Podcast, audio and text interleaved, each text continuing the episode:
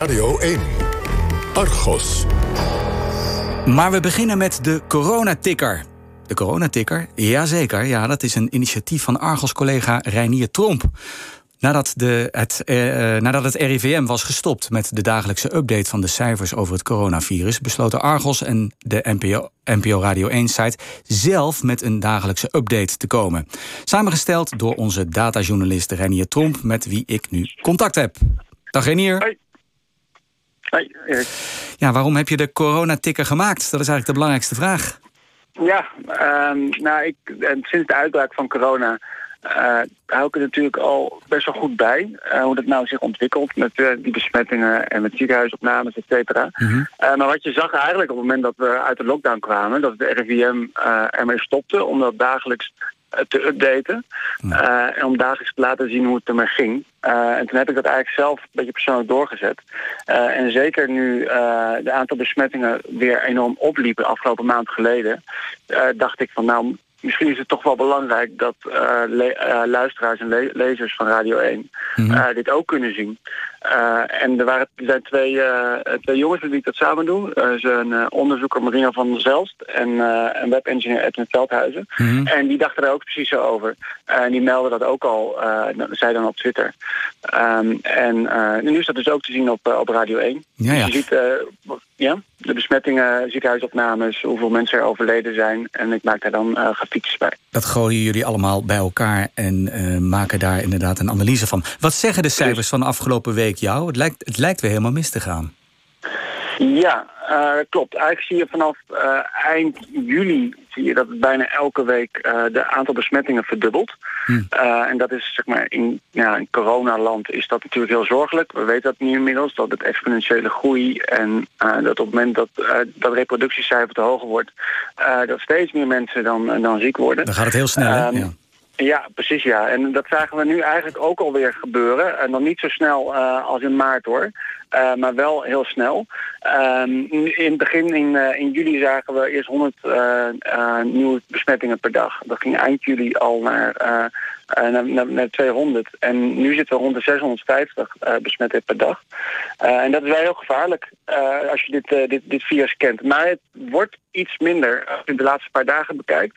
Eh, dus misschien dat de persconferentie van Rutte toch, eh, toch zijn effect heeft gehad. Dat mensen iets voorzichtiger, voorzichtiger zijn. Het lijkt weer iets meer onder controle. En dat komt ook door omdat de GGD's waarschijnlijk zo, eh, zo hard werken op dit moment. Ja, ja, over de GGD's gesproken. Jij hebt ook meegelopen hè, met een eh, GGD. Wat zag je daar? Ja, ik heb meegelopen met de G Kennemerland. Eh, dat is waar Haarlem ligt en Schiphol valt daar ook onder. Eh nou ja, ten eerste dat eh, deze mensen echt eh, ontzettend hard werken.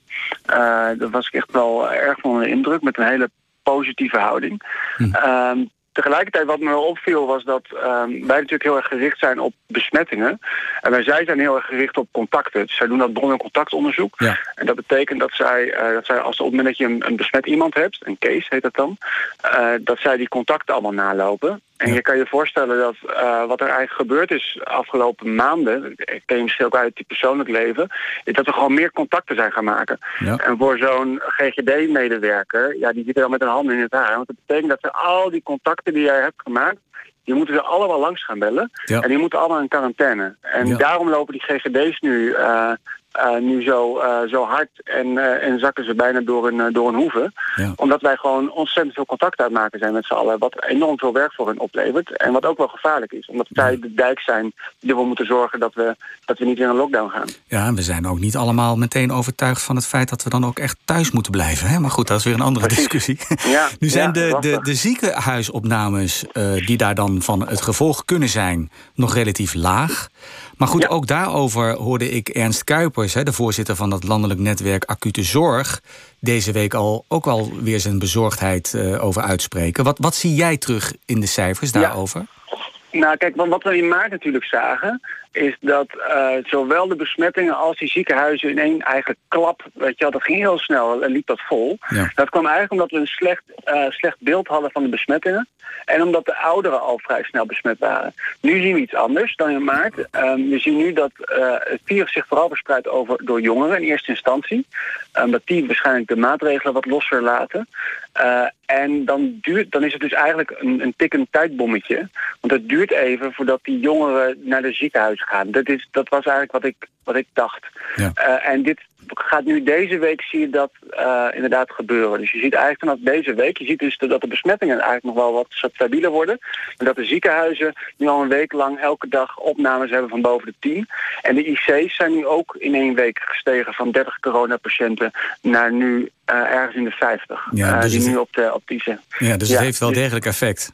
Het een heeft wel degelijk effect op het ander. Ook nu weer. Ja, ja precies. Dus die, die, die, besmettingen die lopen langzaam. Dat gaat veel langzamer dan we eerst zagen. Hm. Die lopen langzaam eigenlijk naar die oudere bevolkingsgroep. Eén indicator is dat uh, ja, een tijd geleden was, uh, ik weet niet, mij twee maanden geleden, waren nog maar in 25 verpleeghuizen zag je uh, besmettingen. Hm. En nu in 69.